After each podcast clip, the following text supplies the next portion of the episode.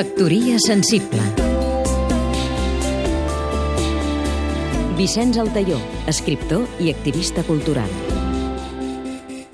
Cultura i economia s'encisen tant com es detesten.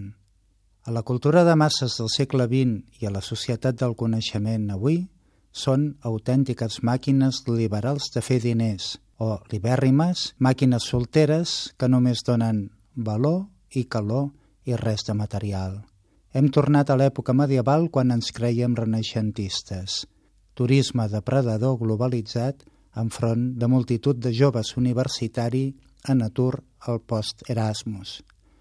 Cada sistema opera en les regles que li són pròpies. Dels tres grans sistemes, el religiós procura que els adeptes acabin vivint en una eterna enllà en joia. A la disbauxa utòpica, el sistema econòmic es basa únicament en l'afany d'obtenir quan més benefici, millor. El medi cultural, que no és un sistema, no ofereix, és vist, cap benefici més que l'il·lús. És llenguatge pur, com el teològic, i comunicació, com l'econòmic. Plató gaudia viuda de nit i Aristòtil de dia, endins l'un i en fora l'altre. Avui Plató ja no viu dia en un convent de clausura, sinó en una biblioteca pública sense horari, i Aristòtil donaria classes a una de les millors escoles d'economia del món.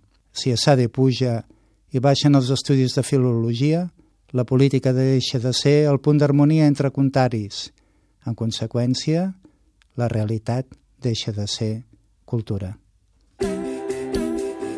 Factoria sensible